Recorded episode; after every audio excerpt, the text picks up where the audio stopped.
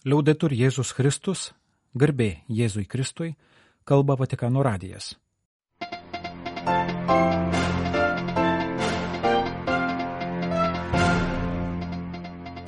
Malonus klausytojai šioje programoje. Popiežiaus Pranciškaus audiencija Šventosios šeimos Bazilikos Barcelonoje statytųjų fondui. Kardinolo Pietro Parolino homilija vasario 16-osios šventėje Romoje. Pirmojo gavėnios sekmadienio evangelija ir komentaras.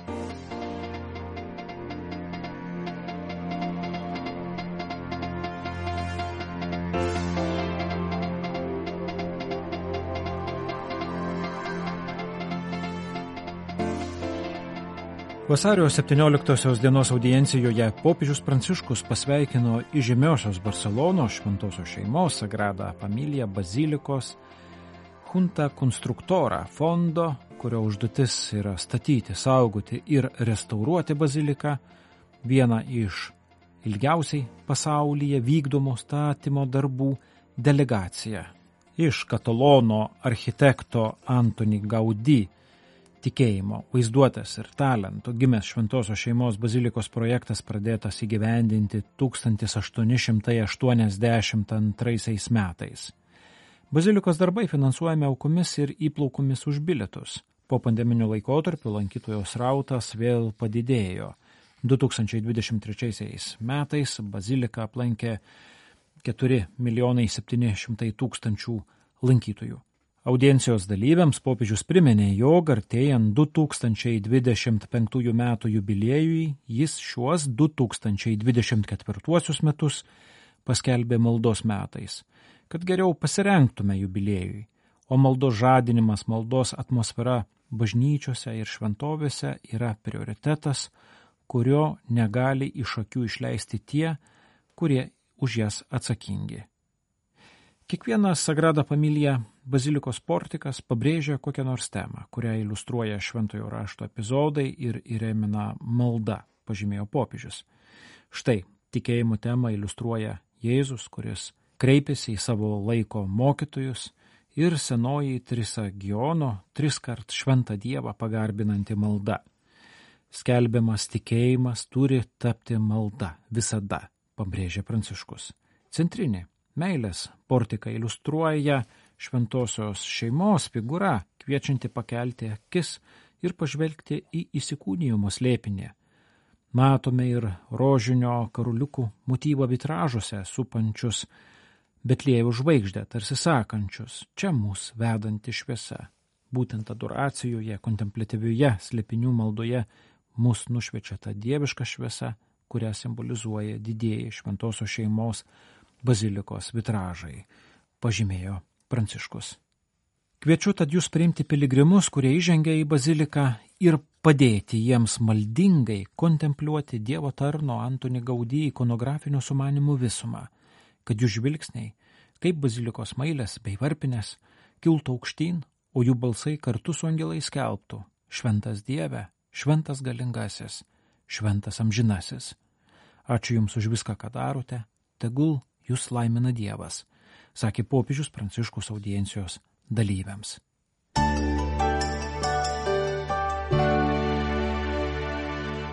Invochiamo Gesù misericordioso per la nobile nazione lituana, il cui cammino è stato spesso provato da angosce e sofferenze segnato da lotte prolungate per acquistare la libertà e preservare. Šaukimės gailestingojo Jėzaus globos kilniai Lietuvos tautai, kurios kelionė dažnai buvo išmėginta sielvarto ir kančios, paženklinta ilgai trukusių kovų, laisvė išsikovoti ir tapatybei išsaugoti, meldė kardinolas Pietro Parulinas penktadienį vasario 16 dieną Jėzaus vardo bažnyčioje Romoje aukotose mišiose.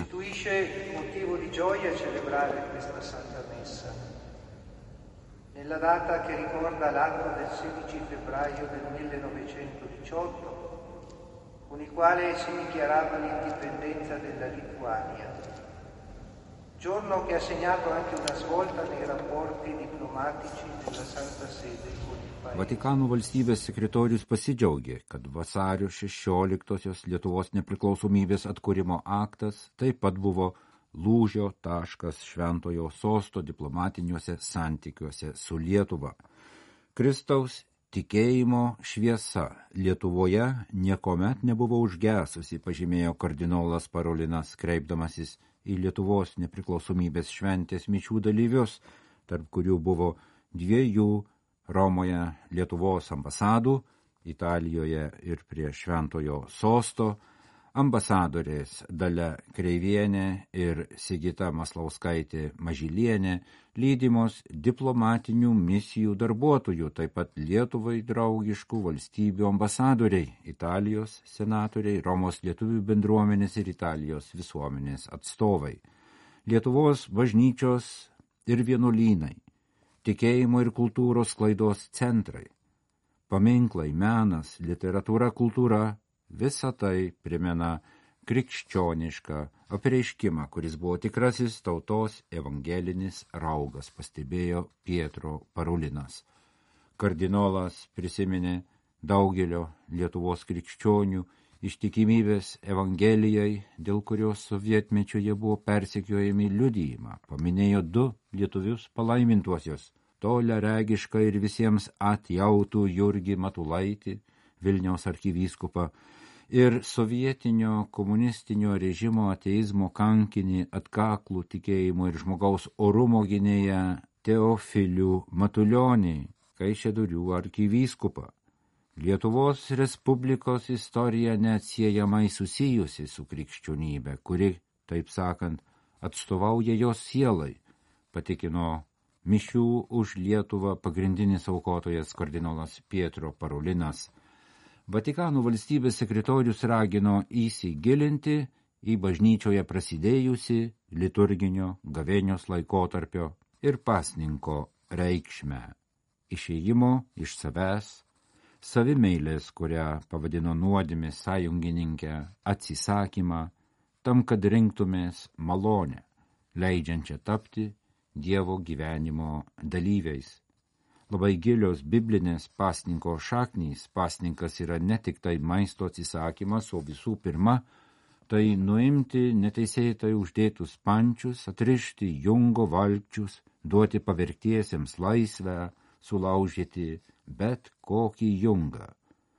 Kalbėdamas apie konkrečius šventosios dvasios veikimo žmonių širdyse ženklus, tokius kaip bažnyčios Lietuvoje, karitatyvinės pastangos dėl stokojančiųjų, Kardinolas Pietro Parolinas patikino, kad Dievo gailestingumo žinia neatsitiktinai apsilankė lietuvių tėvynėje. Jis priminė šios žinios nuo popežystės pradžios įkvėptą šventąjį Joną Paulių II. Taip pat popiežių pranciškų, pasak kurio, priminė kardinolas, dieviškojo gailestingumo žinia yra labai konkreti ir reikli gyvenimo programa, nes apima darbus, o vienas iš sunkiausiai įgyvendinamų darbų - tai atleidimas mus įžeidusiems, tiems, kuriuos laikome savo priešais. Costituisce dunque un programma di vita molto concreto ed esigente, perché implica delle opere. E una delle opere di misericordia Anot Pietro Parolino Pagiežos ir pykčio atsisakymas yra bene sunkiausiai įgyvendinamas pasninkas. Patikinęs, kad tai kiekvieno sąžinės reikalas, kardinolas paragino atminti, jog kalbėdami tėvę mūsų maldą, primiktinai prašome Dievo, kad atleistų mums taip, kaip ir mes atleidžiame. Preghiamo Dio che il Vangelo continui ad ispirare la vita della società lituana e ne illumini il cammino e Melsdamas Dievą, kad Evangelija toliau įkvėptų Lietuvos visuomenę siekti bendrojo gėrio ir ginti pamatinės vertybės - gyvybę nuo prasidėjimo iki natūralios pabaigos, santuoką tarp vyro ir moters paremtą šeimą, kardinolas ragino melstis už taiką Europoje, artimuosiuose rytuose ir daug kur pasaulyje. Preghiamo poi per la causa della pace. Kaip reikia mums taikos, pažymėjo Vatikano valstybės sekretorius ir pridūrė. che prima di noi occidentali hanno percepito il soffio minaccioso dei venti di una guerra che si sarebbe abbattuta contro il popolo ucraino. Baltijos šalys taip pat jaučia gyvybiškai svarbu jos poreikį.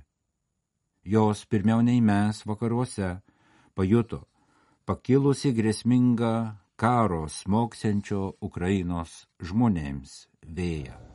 Come credenti che invocano il nome di Gesù, non dobbiamo smettere di credere che il miracolo della pace è possibile.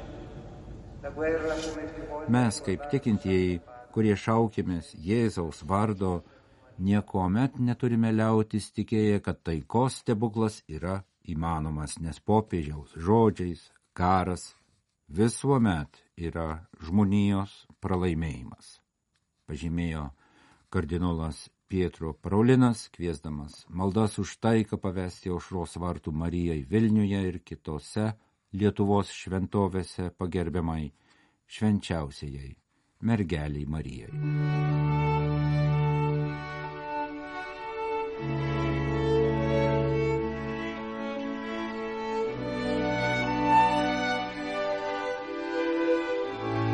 Pirmasis gavėnios sekmadienis.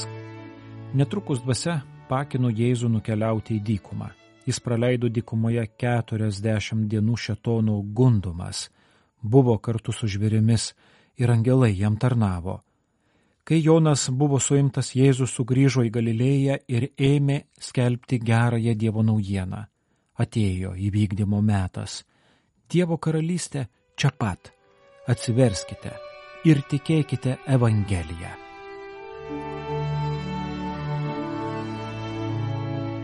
Mili klausytojai, skaitome, kaip įprasta, monsignoro Adolfo Grušo mums parengtą Evangelijos komentarą. Šalia Dievo. Po krikšto, pajutęs dangaus tėvo artumą, Jėzus susiduria su nauja patirtimi. 40 dienų dykumoje. Dvasia veda Jėzų į dykumą. Ta kupina Izraelio istorijos prisiminimų, išbandymų, Dievo artumo patirties, o draugai ir išdavystės bei pavojaus vietą. Dvasia kviečia Jėzų į kelionę širdies link. Kaip tik čia priimami lemtingi gyvenimo sprendimai, čia išriškėja mūsų pasirinkimai, nes kiekviena pagunda visada yra pasirinkimas tarp dviejų dalykų, kuriuos mylime. Skaitant Evangeliją tampa aišku, kad dikomos patirtis ir akistata su savo demonais yra būtina. Būkime sąžiningi. Mes visai stengiamės išvengti krizių, Tuo tarpu Morkus primena mums, kad Dievas verčia mus susitikti su savo tamsiosiomis pusėmis. Už kiekvienos krizės lypi Dievas, metantis mums iššūkį. Todėl mes ir negalime savo gyvenime išvengti dikumos. Būtų patogu turėti žmogiškąją prasme visagali Dievą, kuriuo galėtume pasitikėti. Dievą, kuris pasirengęs išspręsti kiekvieną mūsų problemą Mes tarsi vaikai norėtume turėti superherojų ir viską sutvarkantį Dievą. Tokio Dievo daugelis ir ieško, pamirždami, kad kaip ir Jėzus esame kviečiami eiti meilės ir tarnystės keliu. Dievas netima iš žmogaus kovos galimybės. Iš tiesų, krize mums yra naudinga, nesiverčia mus keistis, net jei ją visada lydi skausmas ir mūsų pasipriešinimas bei nenoras judėti į priekį. Tačiau įveikę krizę tampame tikresni, labiau mylintis, laisvesni, žmogiškesni. Dikuma yra negailestinga, nes parodo mums, kokie esame iš tiesų. Gal ir todėl stengiamės jos išvengti, neiti ten. Tačiau įsipareigojimas sekti Jėzų mus kartu su juo veda į dykumą, kad pamatytume, kur esame, kur einame ir iš naujo suplanuotume, kaip turime sekti viešpati. Į dykumą einame klausytis jo žodžio, savęs pačių, atrasti tylą, įvertinti tūkstančių savo įsipareigojimų. Morkus skirtingai nei kiti evangelistai nekalba apie tai, kokius gundimus dikumoje patyrė Jėzus. Tačiau jis mums primena esminį dalyką - pagundo nevengiama, jos įveikiamos. Pagundos būtinos, nes priešingų atveju nebūtų pasirinkimo, dinktų laisvė, žūtume mes patys kaip žmonės. Jėzui taip pat teko susitikti su blogiu. Apie Jėzaus pagundas visi evangelistai kalba prieš pradėdami pasakoti apie jo viešąjį gyvenimą. Tuo tarsi primindami mums, kad mes negalime leistis į tikrą kelionę be šio išbandymo. Tik susidūrę su vidinėmis baimėmis Jėzus įgys jėgų kelioniai. Nuo tada niekas negalės jo sustabdyti. Būtent po šio baisaus dykumos patyrimo Jėzus suvok savo paties jėgą, nes būtent akistata su kančia mus brandina ir daro stipresnius. Džiaugsmingos patirtis puošia gyvenimą, tačiau augame dėl skaudžių patirčių. Tik išėjęs iš dykumos, Jėzus pradeda savo veiklą. Jis nukeliauja į Galilėją ir pradeda mokyti. Jo kalba kitokia, negu iki tol girdėjo žmonės. Jėzus kalba ne apie tai, kas turės įvykti, bet apie tai, kas jau vyksta. Jis sugražina tikėjimo patirtį į čia ir dabar tvirtindamas, kad nereikia laukti geresnio rytojaus, nes dabartis yra Dievo laikas. Mums verta atkreipti į tai dėmesį. Viskas, ko ieškome, yra paslėpta kasdienybės banalybėje. Geriausi dalykai neturi įvykti ateityje, nes jie jau vyksta dabar. Žmonėms nereikia laukti mirties, kad galėtų patirti dangų ar pragarą. Mirtis tik užanspauduoja tai, ką pasirenkame dabar. Jėzus skelbia Dievo karalystę ir liepia visiems atsiversti, pakeisti savo gyvenimą, tikėti Evangeliją. Tam nereikia ilgų kalbų. Visa Evangelijos naujiena sutilpa į keturis punktus. Atėjo įvykdymo metas. Tai reiškia, kad laikas, kai žmogus turėjo daryti dalykus dėl Dievo, siekdamas laimėti Dievo geronoriškumą ir gailestingumą, baigėsi prasidėjo laikas tam, ką Dievas daro dėl žmogaus. Dievo karalystė čia pat. Nuo dabar mes neturime jos ieškoti toli nuo savęs. Mums nebereikia stengtis pasiekti Dievą, nes Jis pats atėjo mūsų pasitikti. Jis sutrumpino atstumus. Atsiverskite. Trečiasis punktas. Žvelgianti visą kontekstą, tai ne įsakymas o kvietimas, prašymas. Tai raginimas pakeisti savo elgesį, požiūrį į Dievą ir žmonės. Tikėkite Evangeliją. Tai reiškia, tikėkite geromis naujienomis. Tai geras pranešimas visiems, ne tik geriesiems, bet ir kiekvienam žmogui. Manau, kad jei savo gyvenimą kurtume pagal šiuos keturis punktus, būtume tikrai laimingi. Gaila, kad neskubame tuo gyventi, mėgstame atidėlioti, galvodami, jog ateityje viskas pasikeis. Kažkodėl mums patinka galvoti, kad ieškome kažko nepasiekiamo, tuo tarpu viešpats yra čia pat.